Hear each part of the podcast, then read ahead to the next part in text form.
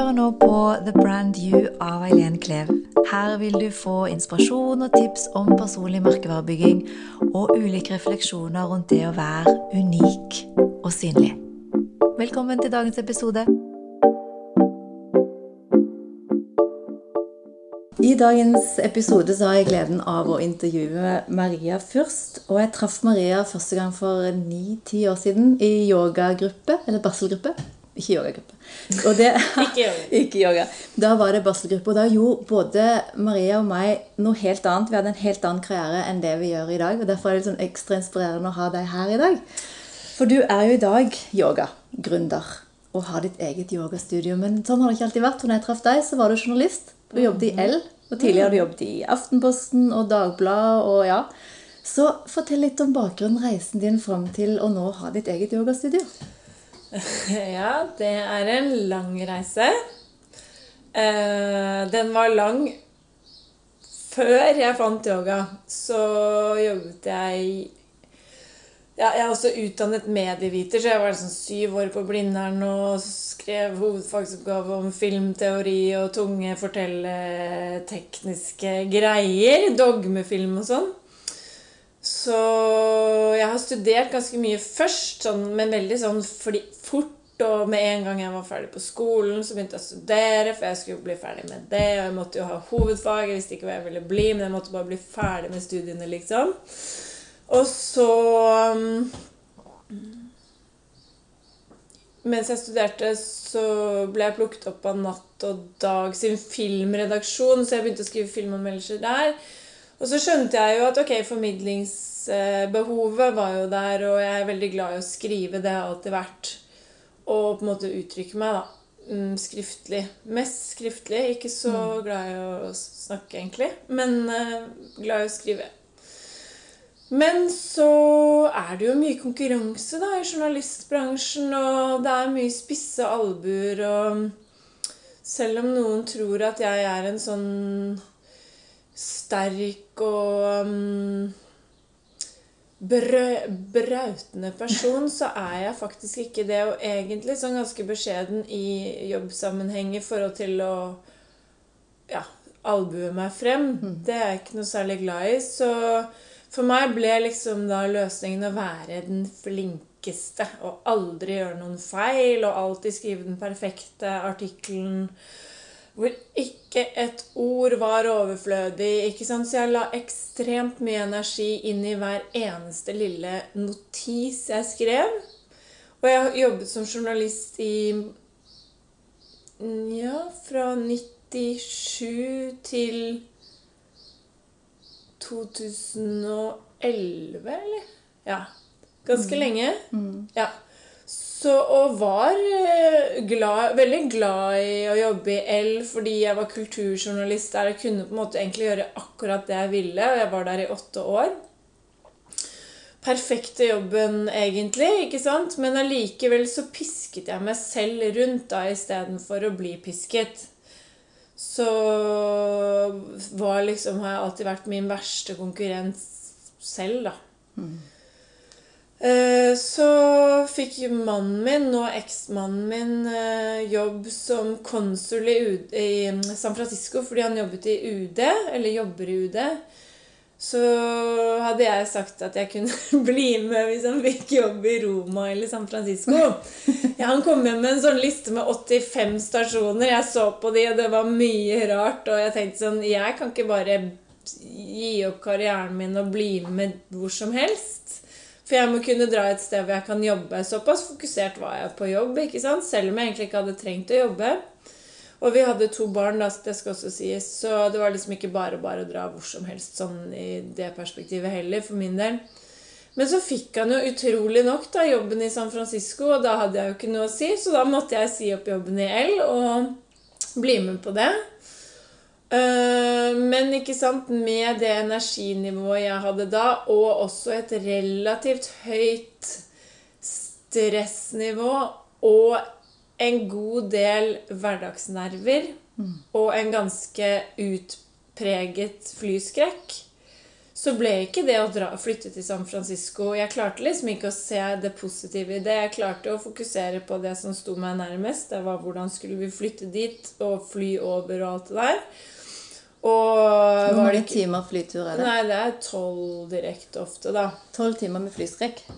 Ja, ikke sant? Og jeg begynte å sjekke opp Amerikabåten, om den gikk og sånn. Og seriøst, liksom, hvordan skal jeg klare å fly frem og tilbake de lange strekkene så mange ganger i året som man sannsynligvis må? Og så var det mm, Det andre var jo at det er mye jordskjelv i San Francisco. Så ikke sant? jeg var en person som alltid klarte å finne det skumle å fokusere på, istedenfor å, å, å se alt det bra, da. Mm. Men vi kom oss over uten at flyet styrtet, og Ingen Ingen jordskjelv? mm, Jo, det var rett, men jeg merket det ikke i det hele tatt.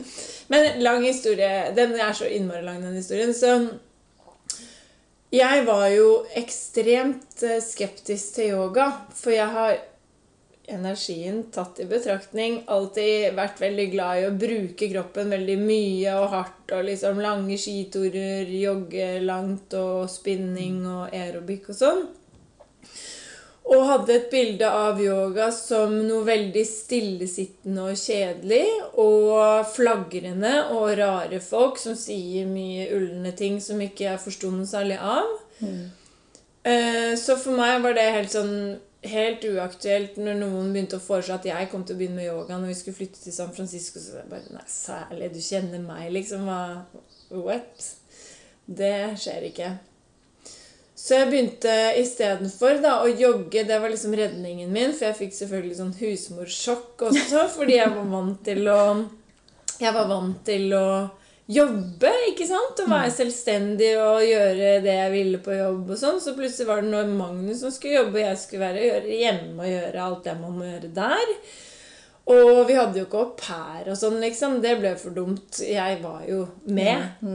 Så jeg mm, ble husmor, selv om jeg også da prøvde å skrive frilansstoff eh, hjem til Norge. Det gjorde jeg jo for en del eh, forskjellige medier, da. Men uansett var jo primærfunksjonen min å være husmor og liksom omsorgsarbeider der borte. Og det var bare en rolle som var litt uvant for meg, så jeg fikk litt hette av det. Så det jeg løste det med, var å løpe lange joggeturer hver dag opp og ned i disse bratte bakkene. Nydelig, vakkert, fantastisk. Og det har alltid reddet meg å bruke liksom kroppen og, og ja, være i aktivitet har reddet meg fra å få sånn svart skinn og tåkehode, som jeg kaller det, som jeg fort kan få hvis jeg blir sittende stille, da. Altså sitter stille sånn eh, en gang om dagen, men jeg kan ikke liksom gå inn i en flere ukers periode uten å bruke kroppen, uten at jeg blir deppa, rett og slett. Men nå kom yogaen inn? Ja, da kneet mitt røk fordi jeg jogget i de bakkene. Så etter et år så hadde jeg fått utrolig vondt i kneet. Og så hadde jeg lært eller hørt et eller annet sted at yoga er bra for knær. Og så tenkte jeg sånn Ok, jeg får prøve det, da. Så googlet jeg meg motvillig til et yogastudio som hadde Bikram yoga, fordi jeg hadde hørt at det var sånn tungt og vanskelig. Tenkte jeg det var det jeg skulle prøve, da. Og så fant jeg et lite hull i veggen med en utrolig kul og interessant fyr som het Lamotte, som var forhenværende modell og danser og fiolinist og homofil, selvfølgelig.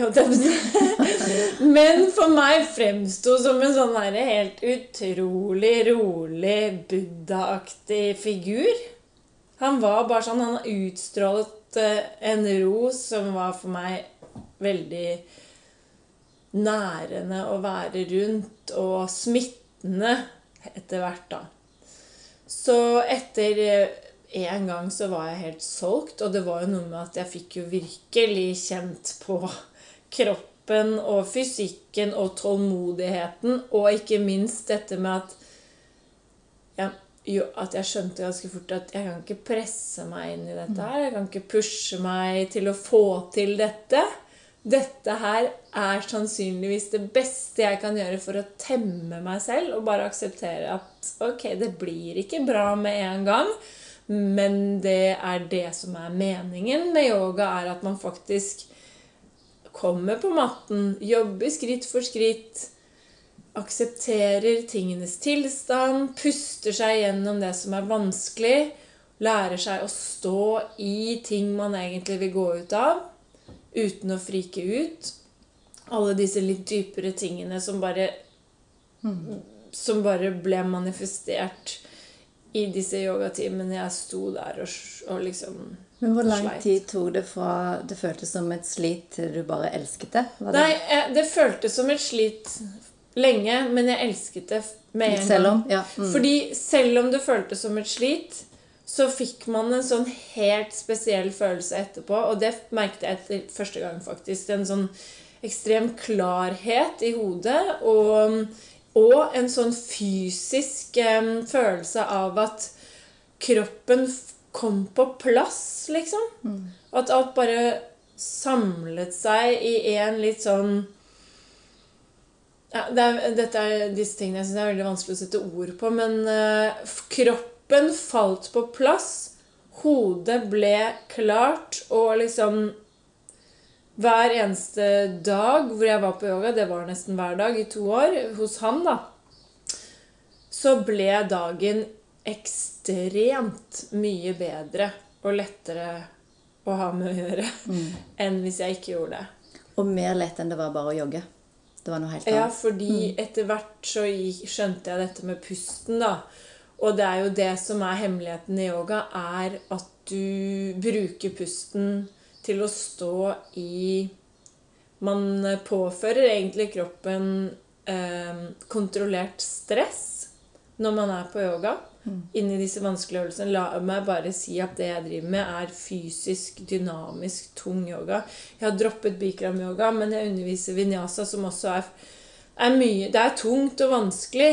Så det fins jo annen type yoga hvor det er mer sånn sitte-ned-yoga, men det jeg driver med, det er derfor jeg driver med det. Fordi jeg må bruke kroppen såpass mye for å få den effekten av det klarsynet. Men mange driver jo den type yoga ved siden av og har en annen jobb. Og du hadde jo en annen jobb egentlig. Når Mm. Ja. var det du fant ut Jeg Nei. hadde jo ikke en annen jobb, da, for jeg måtte jo si den opp. Ja, men du drev med frilans Jo, likevel men i med samme min pirke, pirkegreier så brukte jeg jo fire uker på å skrive en artikkel på fem sider som jeg fikk 12 000 for. Det går Det ikke så lønnsomt. Nei. Nei, så på en måte så var det jo en frihetsfølelse, eller en slags sånn motivasjon i at jeg ikke hadde jobb. Det andre var jo at å bo i USA, mm, San Francisco, California Det var jo litt annerledes enn fordommene i Norge sier. Jo, vi har et eh, velferdssystem som jeg elsker og aldri ville byttet bort. Det mener jeg. Det er helt genialt. Men det er noe med den friheten, eller hva skal vi kalle det De har jo ikke det der borte. Der kan du få sparken på dagen, men det er også mye Du har ikke noe sikkerhetsnett. Det er ingenting som plukker deg opp. Så det er mer av den derre Ta sjansen og feile er ok-mentaliteten der borte. Jeg vet ikke hvordan det går økonomisk, og det er mange som sliter som bare det. Og det er et forferdelig urettferdig system. Men ehm, vi Nå- bare lar den døren Nå ringte det på døra, men vi bare lar den gå. Vi bare lar den gå. Ja. Nei, så Så mm, Hvor var jeg? Jo, så det var litt inspirerende å se at folk liksom lagde de rareste små butikkene. Mm. Det åpnet så mye rart i sånn hipsterlandskap som jeg bodde i der òg. Mm. Så det sånn, herregud, folk tror på sine egne greier her, og det ser ut til at liksom Har du noe du brenner for, så kan Så du det bare. Ja. Ja. Skal vi ta en liten pause, så skal du sjekke? Vi gjør det. Er vi tilbake igjen. Ja, det var boka mi som kom på døren. Ja, Sånn er det når man er gründer og jobber hjemme. ja. ja, men det er bra. Okay. Men det jeg er veldig interessert i, er å finne ut av når var det du fant den der ideen på at ja, dette vil jeg starte selv. Ja, nei, altså Poenget var at um, den ideen fikk jeg på en måte etter den første sommeren jeg var hjemme i Oslo. Og prøvde da å finne et Bikram yogastudio her. Nå skal jeg ikke snakke stygt om Bikram. Det er noen kjempebra i Oslo nå, men dette var en stund siden. Eh, og så dro jeg på Bikram-yoga her, og så Da var jeg jo avhengig og helt frelst, ikke sant? Og så skjønte jeg bare at oi Det han drev med, Lamotte, min mann, han var jo helt annerledes og drev med noe helt eget, han. Han hadde bare han fulgte ikke Bikram-reglene i det hele tatt. Og det skjønte jeg fort da jeg oppsøkte liksom andre Bikram-studier. At å, det var helt forferdelig sånn stress og mas og folk som sto og hylte og kjeftet på deg. Så da tenkte jeg her er det rom for eh, noe annet i Oslo. Og jeg bodde i California, jeg hadde vært på masse greier etter hvert. ikke sant? Så jeg tenkte sånn Her kan jeg jo faktisk tilføre noe som jeg faktisk trenger selv. For hvor skal jeg gå på yoga når jeg kommer hjem? Så et eller annet sted sånn øh, Ja, midt i oppholdet i San Francisco, det var tre år, så tenkte jeg Jeg kan jo bli yogalærer. Og så bodde jeg jo der, og der har du jo tilgang på ekstremt mye yogalærerutdanning. Så jeg, først gikk jeg et år i privat lære hos han, Lamotte. Og så tok jeg en 200 timers sånn grunn-vinyasa-lærerutdanning. Barneyogautdanning. Gravidyogautdanning. 150 timer Du måtte gjøre ordentlig der òg, med andre ord. Selvfølgelig. Og jeg var litt seint ute, for jeg var 37 år første gang jeg var på yoga. Eh, Så det var liksom uh, Skal ta igjen alt nå. ja, og da skjønte jeg at her må jeg bare kaste meg over. Og så hadde jeg da økonomisk, økonomisk mulighet til det fordi vi levde på sånn da, diplomatpenger. da. Så det, ikke sant? jeg er jo superheldig som hadde det. Og da sparte vi også opp litt penger, sånn at jeg kunne komme hjem og starte opp noe og ha litt slingringsmonn på inntekt. Den situasjonen har jeg aldri vært i før. Men jeg tenkte at da kunne jeg i hvert fall ha litt rom til å feile. Fordi det var ikke helt kriseøkonomisk. Jeg måtte ikke tjene penger fra dag én når jeg kom hjem. Nei. Nå, Temaet i dag er jo personlig merkevare. Og eh, du har jo gått fra å skrive artikler som er litt mer nøytralt, Ja. til å være mye mer synlig. ja. Men det selv- har jeg egentlig alltid drømt om. skjønner du. Jeg ville egentlig bli skuespiller eller popstjerne eller et eller annet sånn eh, i rampelyset. Og så har jeg jo aldri hatt noe talent for noen av de tingene jeg hadde lyst til å bli. Eh, Så det er jo bra at jeg ikke ble plukket opp med noe halvdårlige greier eh, på musikkfronten, f.eks. Men det som er litt gøy med å være yogalærer, er jo at man står på en måte på en scene, bortsett fra at grunnen til at man står der, er jo at man ønsker å hjelpe andre til å få det bra. Så de, jeg står ikke der for å være flink og fortelle vitser eller synge en sang jeg har laget, men jeg står der for å formidle det jeg har lært og kjent på kroppen selv, og prøve å få andre til å få den samme transformative opplevelsen som man faktisk kan få hvis man praktiserer yoga mye og går litt dypt inn i det, så forandrer du deg. Og tilbake til den flyskrekken. Den er borte. Jeg, den, jeg har ikke gått på kurs.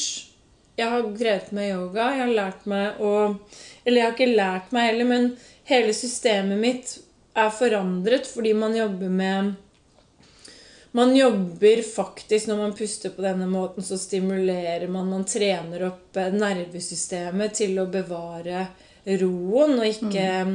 gå inn i stress Ikke vekke stressresponsen eller fight or flight mode. da. Så man Dette skjer av seg selv hvis man gjør det man skal på matten så kan man bruke alt det man lærer i yogapraksisen sin, til ta med ut i hverdagslivet og faktisk takle stress og frykt og mm, nerver annerledes. Og det er jo det som er helt utrolig genialt med yoga i forhold til andre ting, er at du jobber med nervesystemet egentlig i bånn, da. Og du bruker altså den der tanken om at kropp og sinn henger sammen, er jo helt, helt grunnleggende i yoga. Eh, på en annen måte enn vestlig medisin f.eks., som på en måte kutter hodet av kroppen.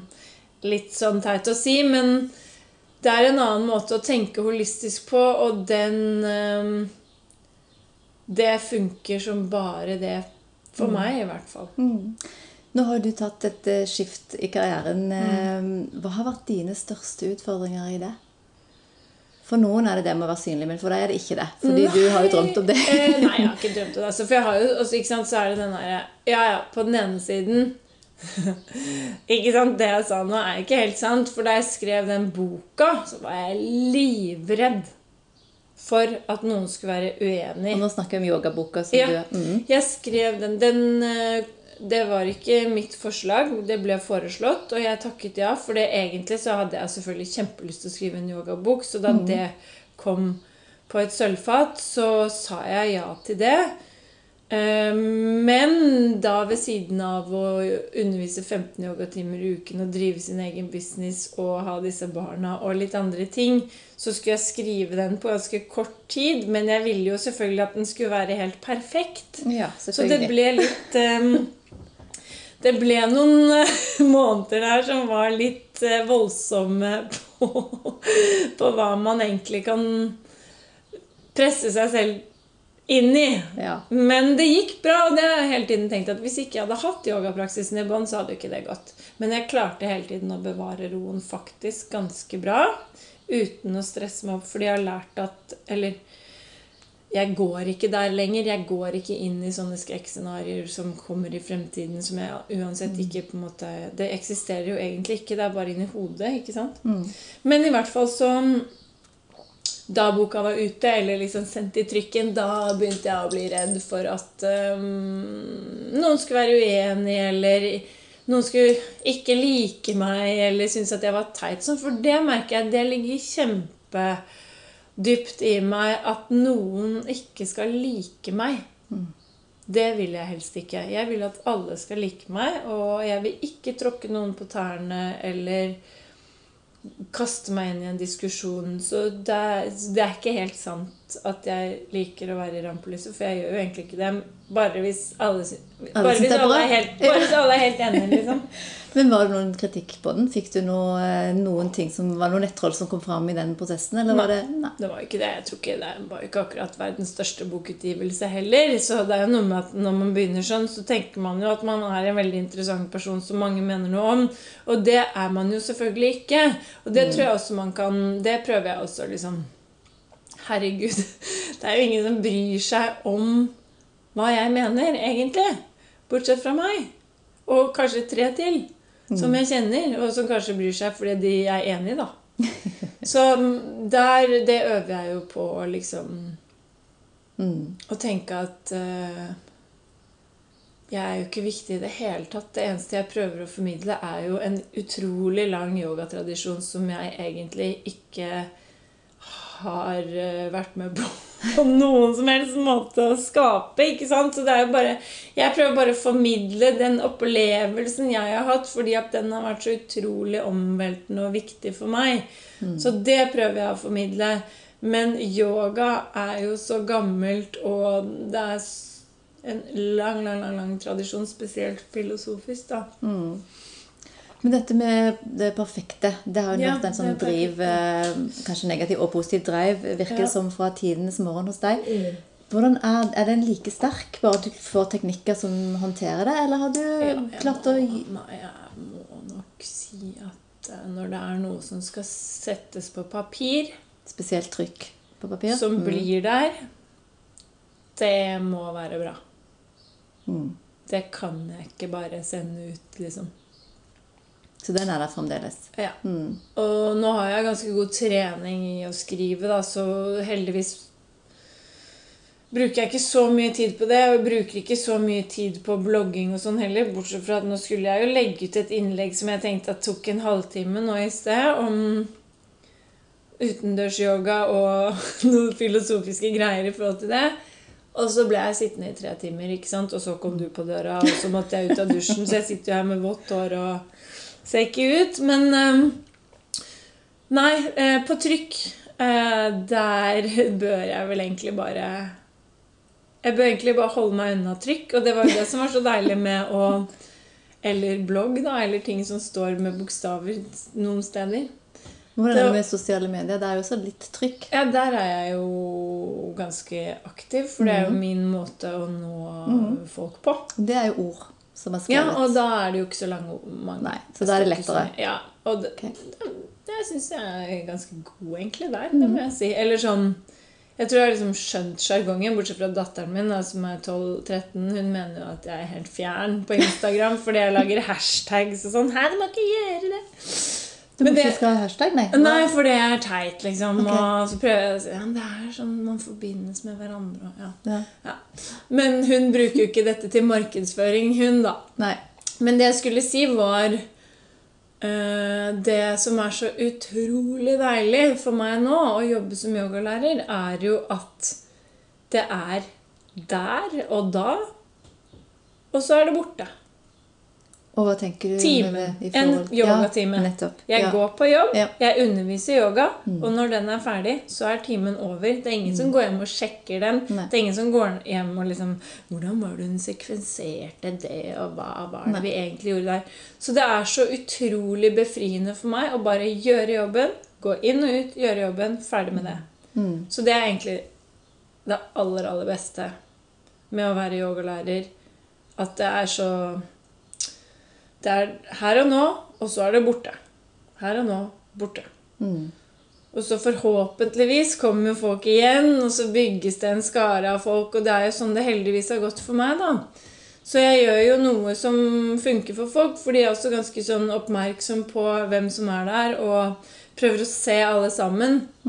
Prøver å hjelpe dem, sånn at de virkelig skal få følelsen av å komme inn i kroppene sine og kjenne på grensene sine og flytte disse grensene litt etter litt, sånn som vi prøver på.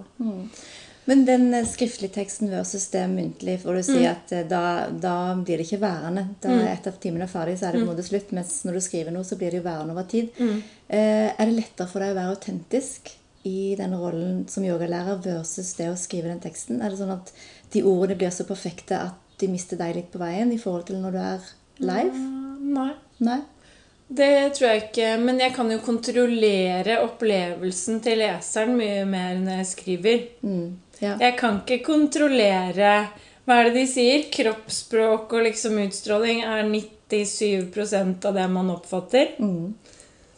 I don't know. You know? Mm. Jeg kan kontrollere det jeg skriver. Det kan jeg lese gjennom 100 ganger når jeg går ut på gulvet og sikkert Jeg tror folk Jeg er sannsynligvis ikke sånn som folk Altså, jeg er ikke inni meg sånn som de opplever at jeg er. Hvis du skjønner? ja. Men det er tenker Men det funker, da. Så kanskje Ja. jeg er litt friere, eller kanskje jeg er litt mer avslappet. Jeg er jo sannsynligvis det. Ja, Så det er ikke en så kontrollert Det er ikke et så kontrollert og finpusset budskap, det som står på trykk. Mm. Eller jo, det som står på trykk, er det. Mens det jeg driver med der, er Spontant. spontant. Og på den måten kanskje jeg er autentisk i forhold til at jeg bare sier det som faller meg inn. Og du bare er i kroppsspråket sånn Ja. som er, istedenfor å Ja. tenke hvordan ser jeg ut, hvordan beveger jeg ja, meg. ja, nei, for det kan man jo ikke tenke Nei. på. Og jeg går jo veldig opp. Jeg syns jo det er veldig interessant å undervise i yoga, så jeg liksom glemmer jo Jeg ser meg ikke med et skråblikk når jeg er Nei. i yogarommet. Men det gjør du når du skriver. Er Veldig.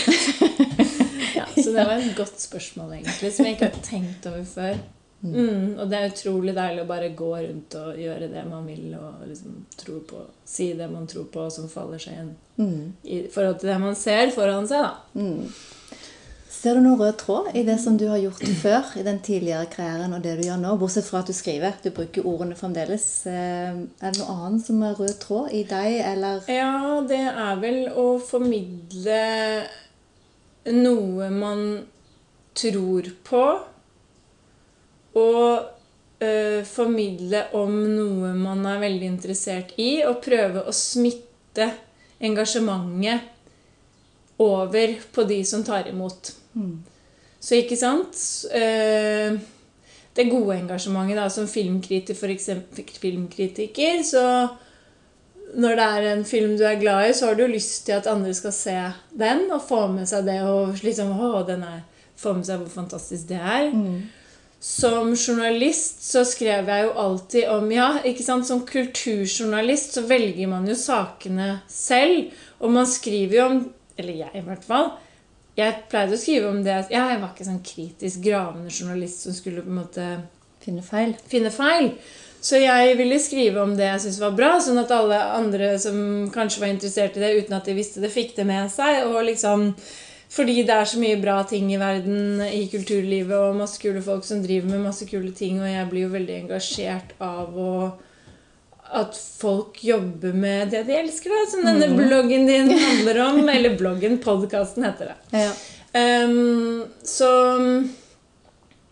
Og det driver jeg jo med fremdeles. Men tilbake til den autentisiteten du snakket om, da, så er det jo enda mer autentisk for meg å formidle noe jeg faktisk har opplevd selv, og som har forandret livet mitt helt ekstremt mye. Både i forhold til hvem jeg er, og hvordan jeg står i ting, men også i forhold til eh, hvordan jeg er i forhold til andre mennesker, hva jeg fokuserer på. At jeg på en måte liksom slipper taket i de derre uviktige tingene og er blitt mye flinkere til å liksom sone inn og bare liksom skjære ned til beinet hvem man er, hva man står for, og hva som er viktig her i verden i forhold til Men hvis du skulle beskrive hvem du er før, og hvem du er nå hva er det store, Hvis du beskriver sånn som du var før, da, før du dro til San Francisco, Ja. du, hvordan vil du beskrive deg da? Nei, det er jo, jeg er jo den samme personen, helt klart. Jeg har ikke liksom Hva er det som er blitt tydeligere? Nei, ja, nei, ja det, det jeg er blitt kvitt, er Mm. jo kanskje de store toppene og bunnene. Ikke toppene, kanskje, men de store grøfta, liksom. Mm, Jeg har lært meg å karre meg ut av grøfta på egen hånd. Uten, jeg, det fikser jeg. Jeg Mm. bruker yogapraksisen til å holde meg vekk fra grøftene. Eh, og det er jo en plikt og en slags sånn Jeg føler at det er min plikt som medmenneske i forhold til familien min, f.eks. Å holde meg vekk fra det der. Uh, og så er jeg jo dessverre blitt litt sunnere og drikker litt mindre. Og Dessverre. Nei, men sånn, skjønner du, Jeg var jo en sånn veldig gøyal festperson veldig ofte før. Så det var liksom, ikke sant sånn- Jeg elsket jo å være på fest, og jeg var mye på fest. Og var, jeg er kjempe Jeg er aldri så hyggelig å være sammen med som jeg er på fest. Men nå har jeg liksom Nå tåler jeg ikke å drikke så mye, fordi det går jo rett i fletta. ut. Og Alt man tar til seg av næring og sånn, går jo rett inn når man driver med yoga. Så du må bli mye mer sånn Jeg kan ikke gjøre det så mye mer. Så på en måte så kan du vel si at de store toppene som da er stimulert av andre ting, kanskje også har blitt litt mindre. Så jeg er jo selvfølgelig litt mer balansert, men fremdeles ikke noe balansekunstner på noen som helst måte. Men jeg trener på det hver dag og jobber med saken liksom i forhold til eh, Hva skulle du ønske at de som var på yoga hos deg, sa om deg? Eh, sånn etterlatt-inntrykket ditt. Hva skulle du ønske det var? Vi skulle gi tre ord på det. Maria først. Hun er Hun ser meg og forstår hva jeg trenger. Det var én ting. Mm. Hun har bidratt til å gjøre livet mitt bedre, eller til å hjelpe meg selv til å gjøre livet mitt bedre.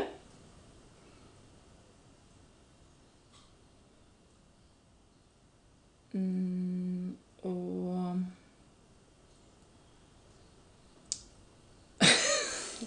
Marie er veldig frigjort og bryr seg ingenting om eh, resultatet. Nei, det sier de ikke, vet du, for jeg har jo fremdeles Perfeksjonisten i meg er jo noe jeg bruker fordi jeg går inn Jeg bruker veldig mye verbal instruksjon. Så de merker nok perfeksjonisten fremdeles fordi jeg er veldig opptatt av at alle skal Gjør det riktig. gjøre det riktig, så de ikke skal skade seg.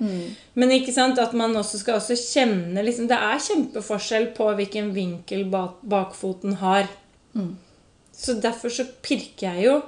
Og det, de som går til meg, det er jo ikke alle, men de som går til meg, de elsker at jeg pirker. Så kanskje den tredje tingen er jeg elsker at Maria pirker på meg. Jeg er så glad for at hun er perfeksjonist fremdeles. Ja, Så bra.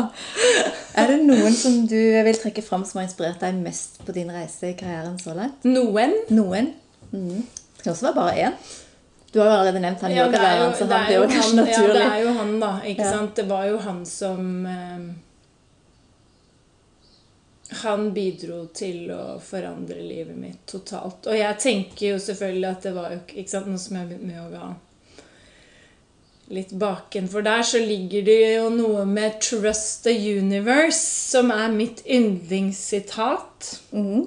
Hva legger du i det? Trust the universe. Mm, At du kan ikke kontrollere en jævla dritt, liksom. Du må, hvis du lærer deg å slippe kontrollen, og tenke at når jeg slipper kontrollen, da Skjer magien.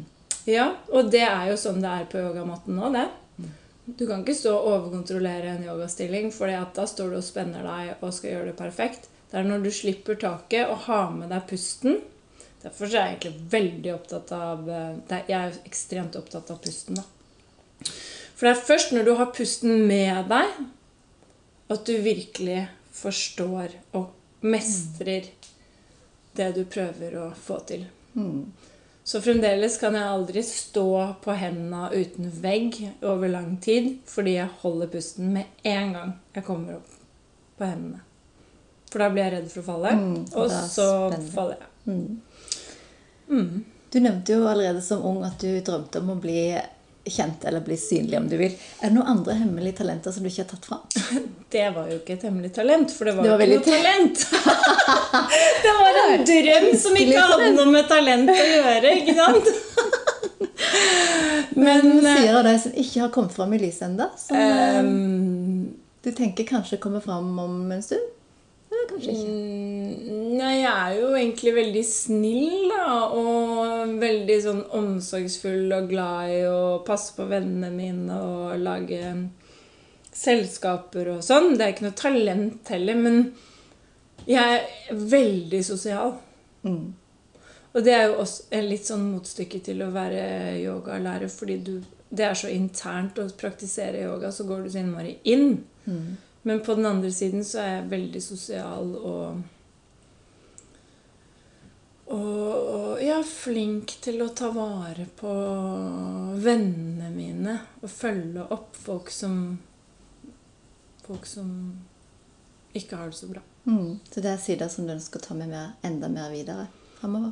I tillegg til å gå inn i deg selv og være i den yoga? Ja, jeg prøver jo da hjelpe disse elevene mine på samme måten, da, med den omsorgen. Men, men der må jeg være litt sånn proff og sånn, ikke sant? Så jeg må være liksom læreren og sånn. Så noen ganger så skulle jeg ønske at de så hvor annerledes jeg var i sosiale sammenhenger, da. Mm. At der er jeg bare en Ja, en omgjengelig og blid type. Du mener du er streng på yogaen? Jeg er nok litt streng. Jeg er nok litt streng. Ja, jeg oppleves nok som litt streng, og noen syns det er kjempebra, og noen syns det er litt skitt. Så jeg prøver å balansere det også, da. Eh, når man begynner for seg selv, eller når man skal finne jobb, eh, drømmejobben, så handler det jo liksom om å finne ut hva du egentlig eh, skal si, hva, du, hva som står hjertet ditt nærmest, eller hva som er din, dine unikheter, om du vil. Eh, du har jo funnet din. Hva, hvilke råd vil du gi andre som skal inn i en sånn type tydeliggjøring i forhold til sin karriere? Enten det er at de skal hoppe der de er nå, eller at de skal finne noe som er tydelig, eller de skal begynne for seg selv som gründer, eller holde på en stund. Og, og har du noen tips? Eh, nei, det er jo å ikke være så redd av og slippe kontrollen og disse tingene. Som jeg tror mange har, selvfølgelig. For det har jo øk økonomiske Altså selvfølgelig. Man må jo tjene penger. Og du kan jo ikke bare si opp jobben din og Altså, Jeg skjønner kjempegodt at folk blir og blir i jobbene sine fordi det er trygt og godt. Og så lenge det er helt greit, og du har det bra på jobben, så er jo det fint. Men når man begynner sånn på femte året og liksom Shit, jeg har det ikke så bra her. Jeg kjeder meg. Jeg gruer meg til å gå på jobb. så må man kanskje bli litt flinkere til å liksom se Men jeg er jo ganske flink til det og det, og jeg brenner jo for det, og kanskje jeg kan hjelpe noen med sånn og slik. Så man begynner å kanskje sikkert gå til en coach, ikke sant? Kanskje. Vet ikke. Har aldri gjort det selv. Enten så kjenner jo du det inni deg, at det er noe du virkelig brenner for. Og så må man jo bli Jeg tenker at man må gå veldig inn i det. For du må jo på en måte tenke at du skal bli den beste da, på det området du da skal inn i. For å få det til. For det, i de fleste områder er jo konkurransen stor. Og da må man jo bare være så god man kan, liksom. Og, så jeg tenker at noe, eh, litt realitetsorientering, dypt engasjement, magefølelse alltid. Kjenner at 'dette har jeg lyst til, men det kommer jo ikke til å gå så bra', så er det sannsynligvis en riktig magefølelse. Kjenner du at 'jeg er nødt til å gjøre dette for å ha det bra i livet', så har du jo ikke så mye valg. Og litt sånn var det jeg hadde det. Jeg er nødt til å gjøre dette for å kunne ha det bra i livet mitt. Så må jeg jobbe med noe som har med yoga å gjøre. For hvordan skal jeg ellers få tid til å gjøre det oppå en annen jobb? Fulltids. Og jeg vil jo anta at ditt eh, beste tips i forhold til når stresset kommer, det er yoga. Men er det noen pusteøvelser som man kan gjøre uten at man går inn på å gjøre hele yogaen? Er det noen tips du kan gi i forhold til pust? Ja, altså